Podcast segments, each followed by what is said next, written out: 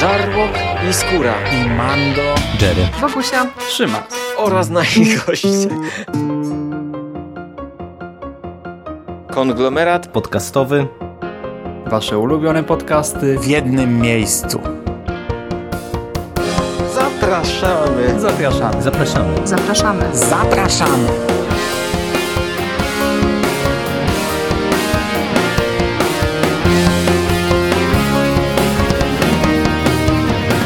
Witamy w kolejnym odcinku podcastu Konglomerat Podcastowy. Dzisiaj jest ze mną znów Michał Ochnik e, z bloga Mistycyzm Popkulturowy. E, Witam Ciebie bardzo serdecznie, Michale.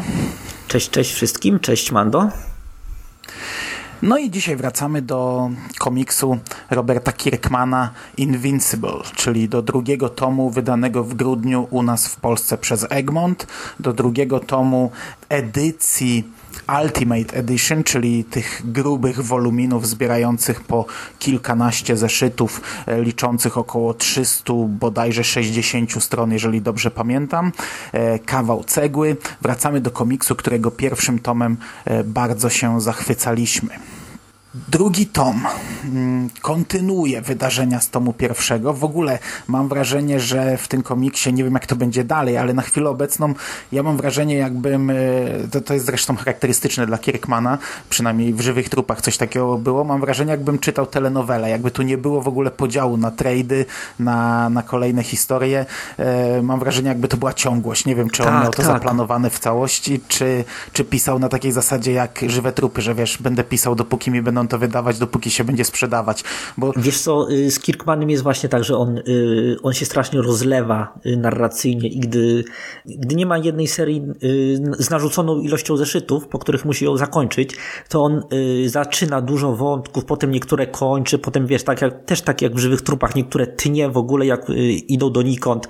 Wiesz, w Żywych Trupach były przecież całe tabuny postaci, które on po prostu uśmiercał, a one miały jakiś tam zasygnalizowany głębszy wątek na samym początku, ale na przykład Kirkman uznał, że to jest i właśnie Invincible to jest dokładnie ten, ten sam typ prowadzenia narracji. On po prostu zaczyna kilka wątków y, i idzie tymi, które, y, które mu się albo mu się najbardziej spodobają, albo czytelnikom się najbardziej spodobają, ale to działa, bo Kirkman jest takim gawędziarzem, trochę jak Stephen King i y, on, on to potrafi zrobić, że y, to się czyta przyjemnie. Jak ci się czytało ten drugi tom? bardzo dobrze, chociaż e, dłużej. Nie wiem, mam takie wrażenie, ale nie wiem, czy, czy to jest mm, poprawne wrażenie, że tu było dużo więcej tekstu. Mam wrażenie, że pierwszy tom grał bardziej obrazem, tych dialogów było mniej. Mam wrażenie, że tam leciałem przez te strony.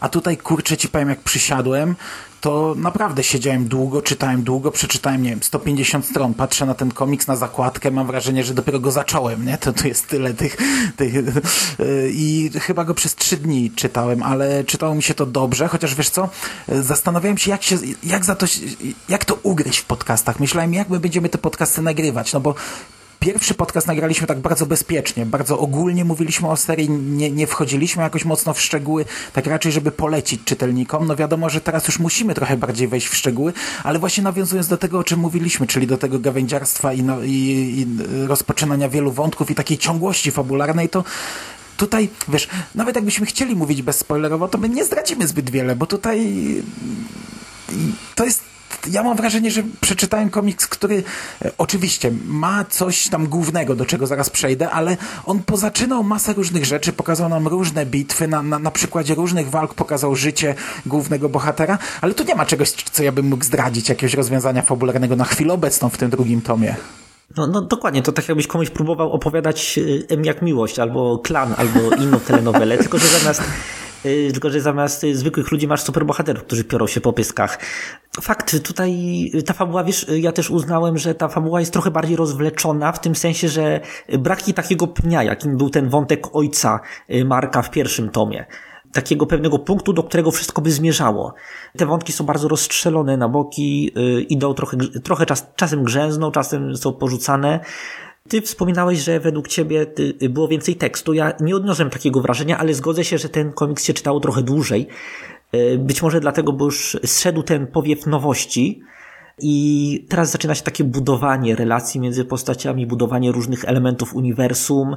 I to no, nie zawsze jest tak bardzo ekscytujące, jak ekscytujące były wydarzenia z pierwszego tomu.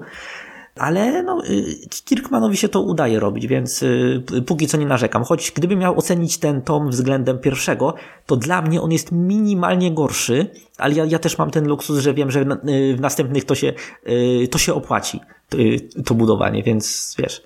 No właśnie, tutaj mamy taką dużą podbudowę wszystkiego. No i, i plus e, konsekwencje pierwszego tomu, no bo pierwszy tom zakończył się takim mocnym boom, czyli e, my jako czytelnicy dowiedzieliśmy się, kim jest tak naprawdę ojciec Marka, e, jakie są tak naprawdę jego motywacje i e, Mark i jego, jego matka zostali bardzo e, mocno zdradzeni przez, przez tego ojca. My teraz przez cały komiks e, śledzimy tak naprawdę obserwujemy ich życie prywatne i śledzimy to, obserwujemy to, w jaki sposób oni radzą sobie z tą zdradą.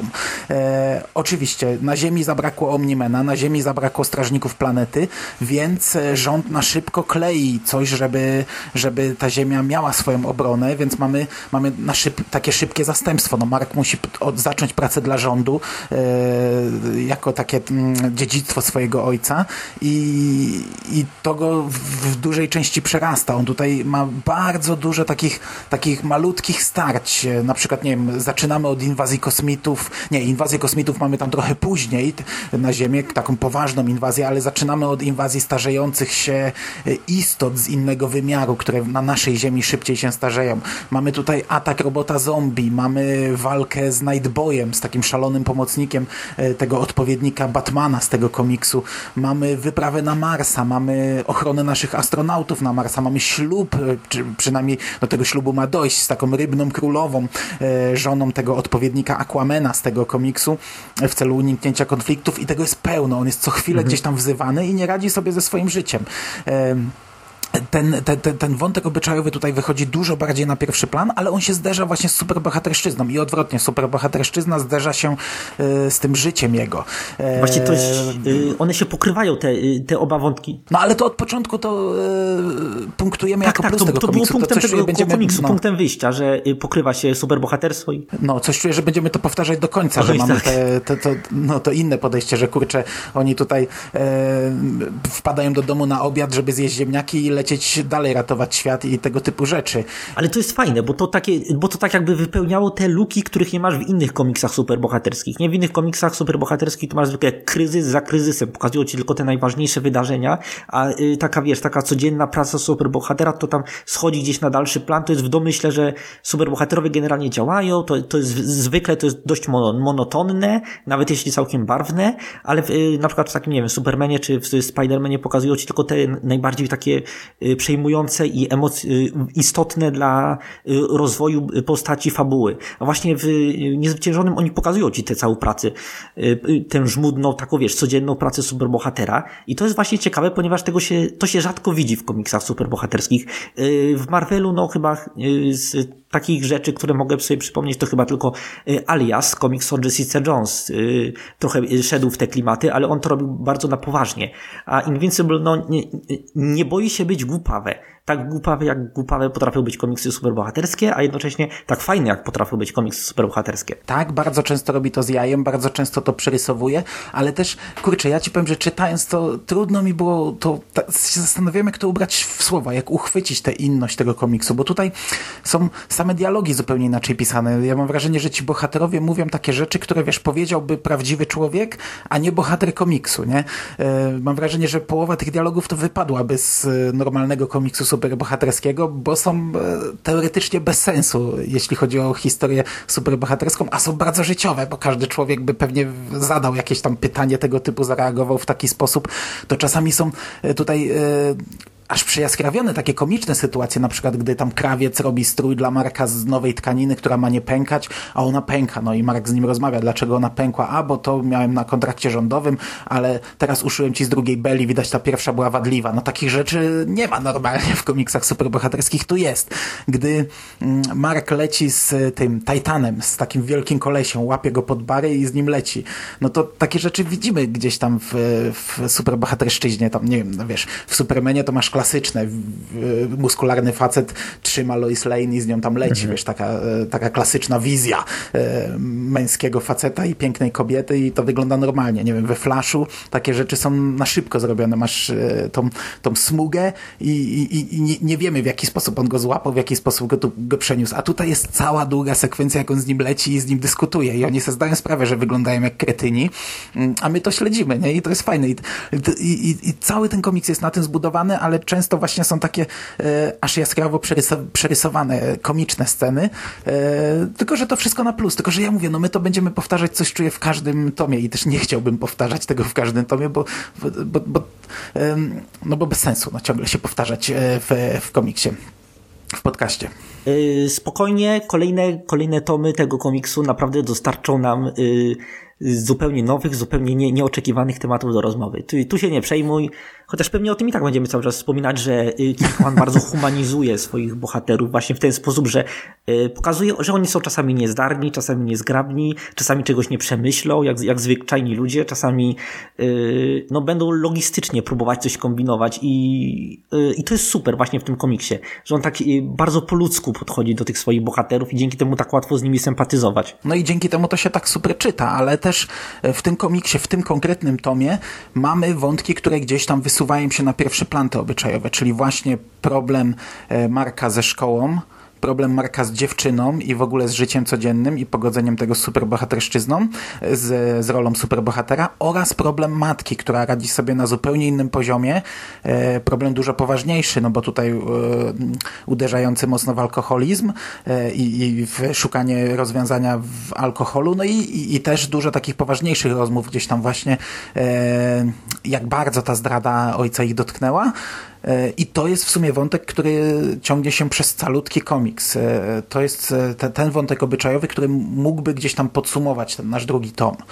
Tak, zdecydowanie. I y, to, te, to, też, był, to też jest bardzo y, unikalne w, w pewnym stopniu dla tego komiksu, że pokazuje, jak y, te różne, wiesz, takie bardzo dramatyczne, melodramatyczne zagrania, które w innych komiksach są częścią konwencji, tutaj pokazuje, jak zwyczajni ludzie by reagowali na tego typu sytuacje. No przecież jeśli chodzi o tematkę Y, Marka, no to i cały jej świat się wywrócił do góry nogami w tym momencie. ona na, naprawdę została pozbawiona y, psychicznego i y, emocjonalnego wsparcia i została tak nie, niemal na lodzie z tym została, no bo tak, i y, Mark zaczyna te swoje studenckie życie, więc y, też nie zawsze może przy niej być, nawet mimo swoich superbohaterskich możliwości, że y, szybkiego poruszania się między miejscem zamieszkania a swoim uniwersytetem.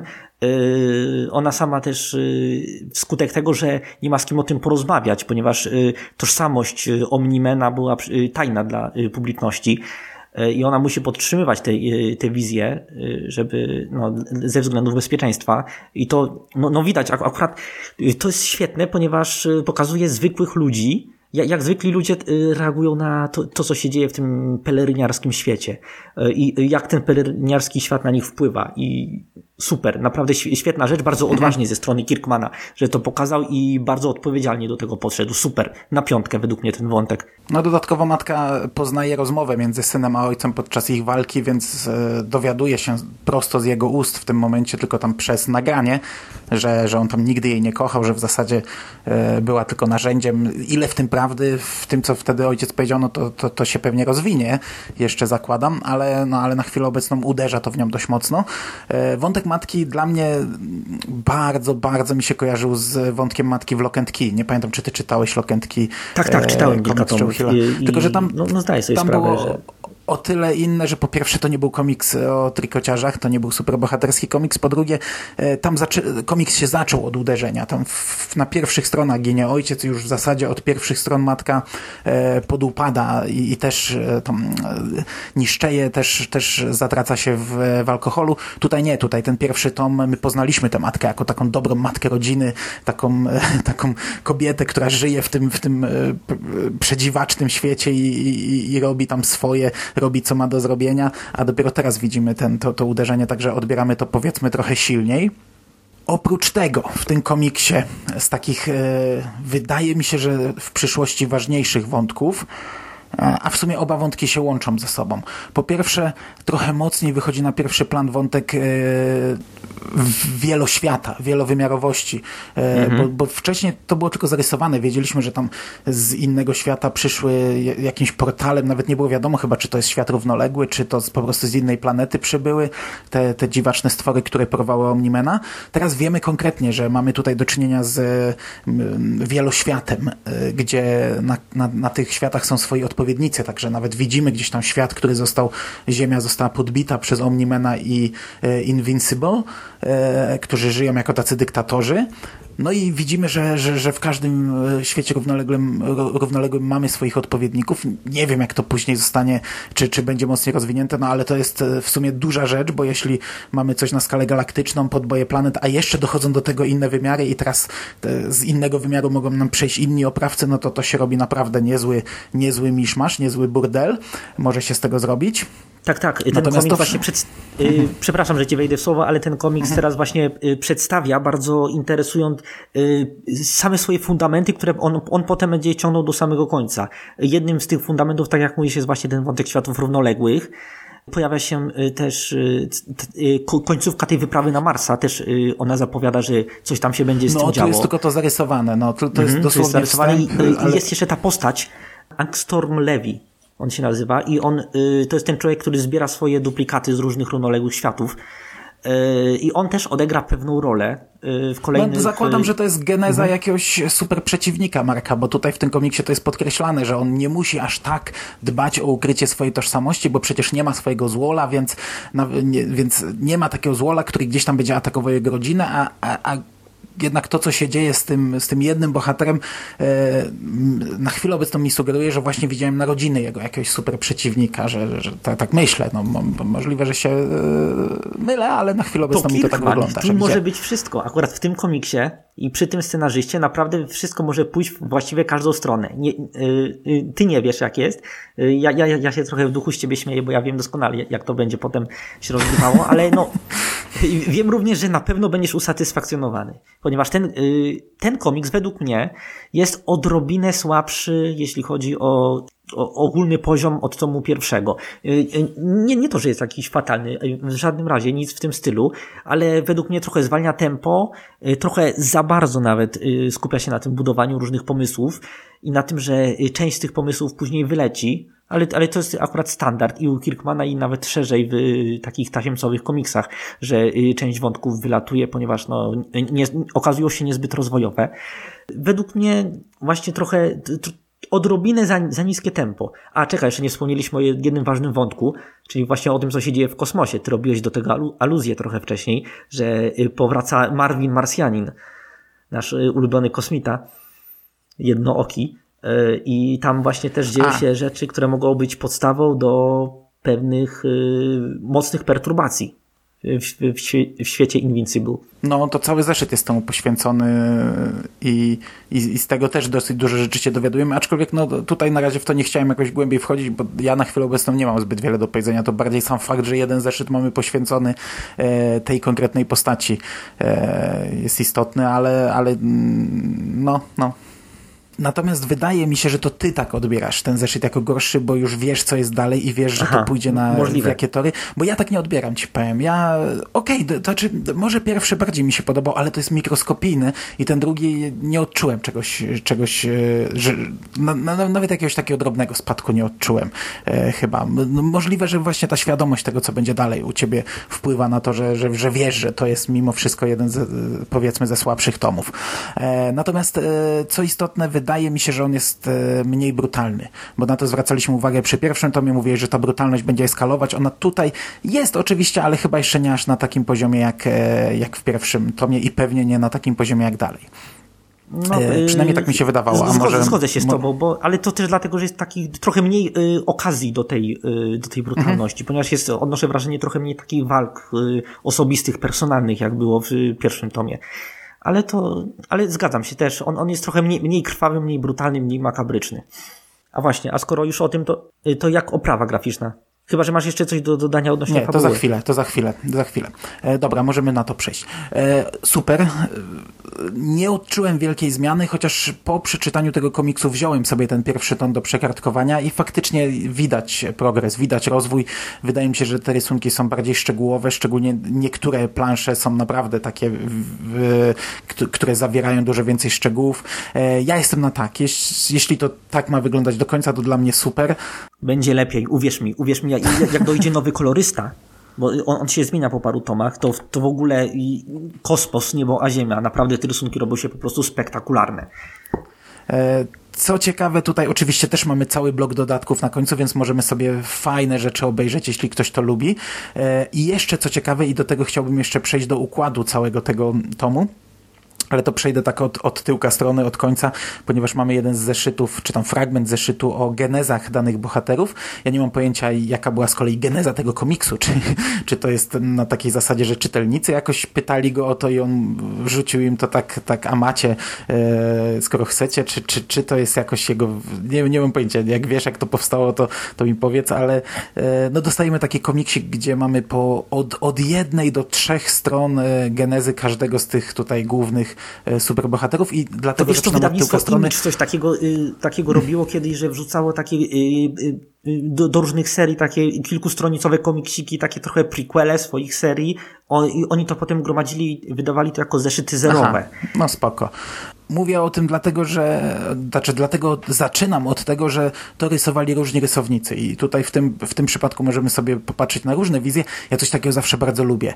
E, niekoniecznie lubię, na przykład tutaj bym chyba nie strawił, jakby mi się nagle zmienił jakoś bardzo mocno rysownik w trakcie komiksu, bo już e, mam, mam tak jak w przypadku Lokentki, już ten, ten komiks mi się mm, e, scalił z tą wizją, ale lubię dostawać takie krótkie dodatki, które są rysowane przez kogo innego i mogę sobie zobaczyć, e, kto jak e, interpretuje ten świat. Takie coś zawsze jest dla mnie duży plus, chociaż to jest mała pierdółka, patrząc na, na, na objętość całego tego komiksu. Tak, tak, to, to jest. Nawet w sumie to nie jest obligatoryjne do y, czytania, ale y, też bardzo lubię takie smaczki, szczególnie jak, jak inni artyści y, interpretują ten świat przedstawiony, wykreowany przez stały zespół, który pracuje regularnie nad komiksem. To, to za- zawsze jest bardzo odświeżające i bardzo przyjemne w odbiorze. Nawet jeśli same fabułki nie, nie zawsze są interesujące same w sobie, więc super, że to się znalazło w tym wydaniu zbiorczym. Natomiast na sam koniec już właśnie, jak, jak, jak to tutaj ugryźliśmy, czy tobie nie przeszkadzał, znaczy w zasadzie tu nie było co do, do, do przeszkadzania, ale układ tego komiksu jest dość dziwny, no bo my tutaj mamy tak, dwa zeszyty regularne, potem mamy taki mikrofragmencik e, z okazji Free Comic Book Day, który jest takim wtrąceniem tak naprawdę, pogłębieniem tego, co się dzieje teraz w życiu Marka, że on ma problem ze szkołą, że on cały czas przeżywa tę zdradę ojca i że on cały czas przeżywa to, co dzieje się z matką. Tam więcej nie ma w tym komiksie, to jest kilka stron. Potem mamy e, od 16 do 22 zeszytu, a potem nagle wjeżdża zerówka. E, a zerówka to jest w ogóle przedziwaczna rzecz. Ja pierwszy raz się z czymś takim spotykam. Po 22 zeszytach regularnych oni stwierdzili, że zrobią komiks, w którym streszczą wszystko, co było do tej pory dla nowych czytelników, ale streścili to w taki inny sposób. To, to nie jest e, takie wycięcie wcześniejszych kadrów, powiedzmy, z opisem, tylko to jest tak zrobione, że e, 22 zeszyt kończy się, e, gdzie Mark i jego dziewczyna Amber leżą w łóżku. 23 zaczyna się od sceny, gdzie oni leżą w łóżku, a ten zerowy jest pomiędzy i to jest ich rozmowa w tym łóżku, której oczywiście można nie czytać, a, ale można przeczytać. To jest taki dodatek. To, każda strona jest dokładnie tak samo narysowana. Mamy na górze pasek e, malutkich kadrów, gdzie oni ze sobą rozmawiają, na dole pasek malutkich kadrów, gdzie oni ze sobą rozmawiają, a on jej opowiada o tym, a po środku duży rysunek, gdzie widzimy jakąś jedną scenę z tego, co się działo wcześniej. I to jest cały komik streszczający, streszczający nam tę historię. Mark opowiada swojej dziewczynie, że jest superbohaterem i jak to się stało, jak do tego doszło, E, ale to jest dość fajnie zrobione, bo nawet jeśli my znamy tę historię, to e, ten komiks pogłębia nam relację między Markiem a Amber, którą ja kurczę ci powiem na przestrzeni tego, tego całego tomu polubiłem. Na początku za nią nie przepadałem, myślałem, że to jest taki, ta, taka przelotna dziewczyna, że, że on szybko z nią skończy, a ją bardzo polubiłem. Zresztą Kirkman o tym pisze też w dodatkach, że dużo ludzi jej na początku nie lubiło, a teraz podobno niektórzy ją lubią. Mm, A potem jeszcze na koniec właśnie po tym, po tej zerówce mamy zeszyt 23, który jest cały o kosmicie. o tym kosmicie wysła, jednookim wysłanym na Ziemię, który miał tam e, zbadać, co tam się dzieje i tak dalej i on, i on w sumie na, na sam koniec dość mocno rozstawia pionki na szachownicy. Na koniec mamy zeszyt 24, a potem jeszcze na dodatek ten, te, te początki. Także kurczę, w tym tomie jest spory miszmasz, tak, jeśli chodzi o ułożenie tych zeszytów e, i chociaż no to, to, to nie jest nic, co, co, co można chyba na minus. To nie jest nic, co może krytykować, co może e, wybijać z lektury, ale to jest coś, co wpływa na to, że tutaj właśnie mamy e, jeszcze więcej, wydaje się, tych wątków, tych spowalniaczy i tych wątków obyczajowych. No to, to przede wszystkim y, trzeba na to patrzeć trochę z tej perspektywy, że y, na przykład ten numer retrospektywny, o którym y, mówiłeś, to on był głównie dla osób, które chciały wskoczyć do tej serii y, w momencie, w którym ona zaczęła zyskiwać popularność, więc y, mhm. to, to ma, ma sens. Jak, jak popatrzymy na ten tom, tom zbiorczy w taki sposób, że, to, że on się składa tak naprawdę, to jest ponad rok komiksów, które wychodziły regularnie co miesiąc, a może z czas, czasem z większymi przerwami, to, to zyskuje sens, ponieważ dzięki temu właśnie w takim trybie comiesięcznym to y, zupełnie inaczej się to czytało. Y, tutaj tak zgromadzone w jednym tomie, y, to zdecydowanie ma trochę inny efekt, bardziej czuć to spowalnianie. Jednakże na przykład gdybyś usunął ten numer zerowy albo wrzucił go na koniec, albo ktoś, to ktoś by narzekał, że dla, dla, dlaczego usunięto, skoro on tak ładnie pasował do y, ogólnej fabuły. To zawsze jest problem w takich y, y, grubych wydaniach, ponieważ ciężko wpasować te różne dodatki, bonusy, te numery okazjonalne, szczególnie jeśli one nie są częścią struktury fabularnej. Nie wiadomo gdzie je dać, czy na początku, czy na końcu, czy w dodatkach, czy gdzieś wpasować tak w, pomiędzy numery regularnej serii. Y, to zawsze będzie arbitralne. Moim zdaniem tutaj akurat wybrnięto z tego całkiem w porządku. Te numery, które pasują do y, chronologii pomiędzy y, normalnymi zeszytami, to wpasowano je w tę chronologię, a te, które nie, pas nie pasują, to dano na sam koniec. Jeśli ktoś ma ochotę sobie je przeczytać, to przeczyta, jeśli nie, to nie. I dla, dla mnie to jest ok. Dla mnie super. Według, znaczy, trochę to rozbija tę główną strukturę, ale nie aż tak, żebym robił z tego hałas, szczerze mówiąc. Ja też tego nie krytykuję, ja to tylko podkreślam, że tak, tak wygląda ten tom, bo ym, dla mnie to jest w sumie nawet, nawet coś fajnego, że wiesz, w momencie, gdy ktoś czytał to mm, regularnie w zeszytach wychodzących co, co miesiąc, no to dostawał jakiś bonus, jakiś dodatek, ale właśnie tak jak mówisz, często jest problem. Czasami czytamy jakiś komiks i mamy, nie wiem, e, przeciętą fabułę, bo musi tam anual, powiedzmy, w tym miejscu wejść i potem ta fabuła jest kontynuowana. A tutaj e, z jednej strony patrząc na to, no to dobra, dostajemy takie spowalniacze, ale z drugiej, jak one są fantastycznie wpasowane w te miejsca, w których powinny być, to, e, to, to, to, ten, to czapki z głów. E, to fajnie jest zrobione. No to super. To yy, yy, pod koniec poprzedniego naszego podcastu pytałem Cię, jakie są Twoje przewidywania odnośnie dalszej serii. No to zabawmy się w to jeszcze raz. Jak myślisz, jak to się dalej potoczy? Ja oczywiście nic nie powiem. Eee, niewielkie. Teraz jeszcze bardziej mi się to zamotało. Wydaje mi się, że będzie dużo wątków pobocznych, że to się nie połączy ze sobą, bo za cholerę nie wiem, jak ma się połączyć wątek Marsjanina, który tym momencie e, infiltruje nasz świat i człowieka, który został na Marsie, czy, czy w ogóle będzie poruszany wątek człowieka dalej? Zakładam, że tak.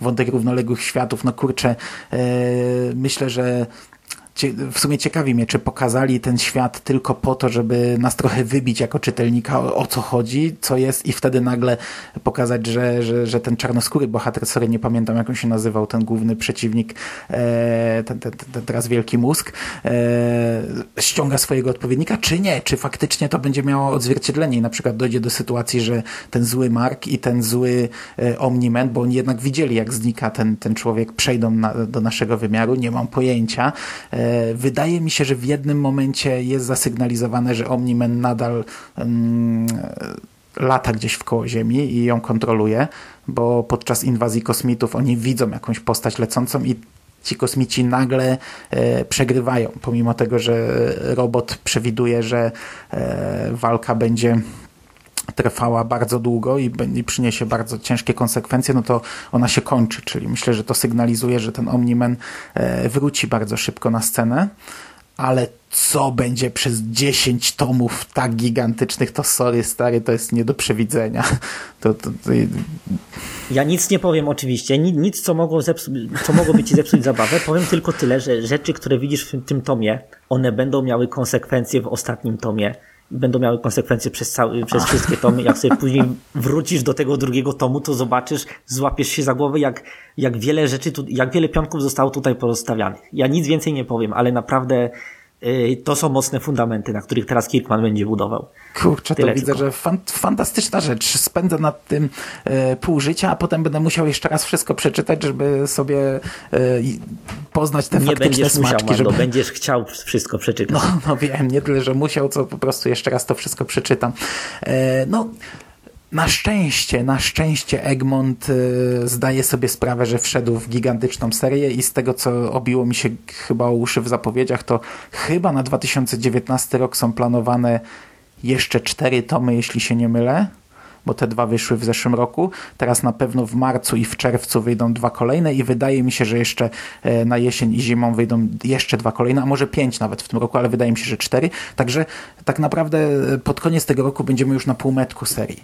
Więc myślę, że tak w 2021 pewnie Egmont e, gdzieś tam na początku 2021 zakończy tę serię, więc długo nie przyjdzie nam czekać. My usłyszymy się niedługo. Właśnie musimy pilnować, żeby ta seria wychodziła, dlatego musimy gorąco wszystkich zachęcać, żeby kupowali ten komiks, ponieważ on jest naprawdę świetny. To jest doskonała inwestycja, jeśli ktoś ma ochotę na y, dobry, jakościowy komiks superbohaterski ze świetną fabułą, świetnymi postaciami i znakomitym, y, i znakomitymi rysunkami. Naprawdę kupujcie Invincible od Egmontu. No, no, ja tu tylko przyklaskuję. Fantastycznie się czyta, fantastycznie się ogląda. Tutaj mamy w tym komiksie wstęp e, napisany tym razem przez e, twórcę serialu Lost, czyli e, Damona Lindelofa i on też rozpływa się w każdym zdaniu na, nad tym komiksem i, i kurde, ja nie wiem, co w tym, nie, nie umiem tego ubrać w słowa, nie wiem, co w tym komiksie jest, ale on jest naprawdę fantastyczny. On opowiada nam historię rysunkami, tak jak żaden inny komiks jeszcze mi nie opowiadał historii samymi rysunkami, samą mimiką, samą zmianą spojrzenia bohatera, e, mikroskopijną zmianą rysunku. On fantastycznie opowiada tekstem. E, na chwilę obecną jestem naprawdę zachwycony tym komiksem. Kupujcie, bo warto. A będzie lepiej. Dobra, to słyszymy się niedługo. E, Koniecznie. Przy trzecim, przy trzecim tomie. Czekamy na ten trzeci tom. Ja Ci dziękuję bardzo dzisiaj za rozmowę Ja tobie również, Mando? i do usłyszenia. Cześć. Do usłyszenia, cześć, cześć.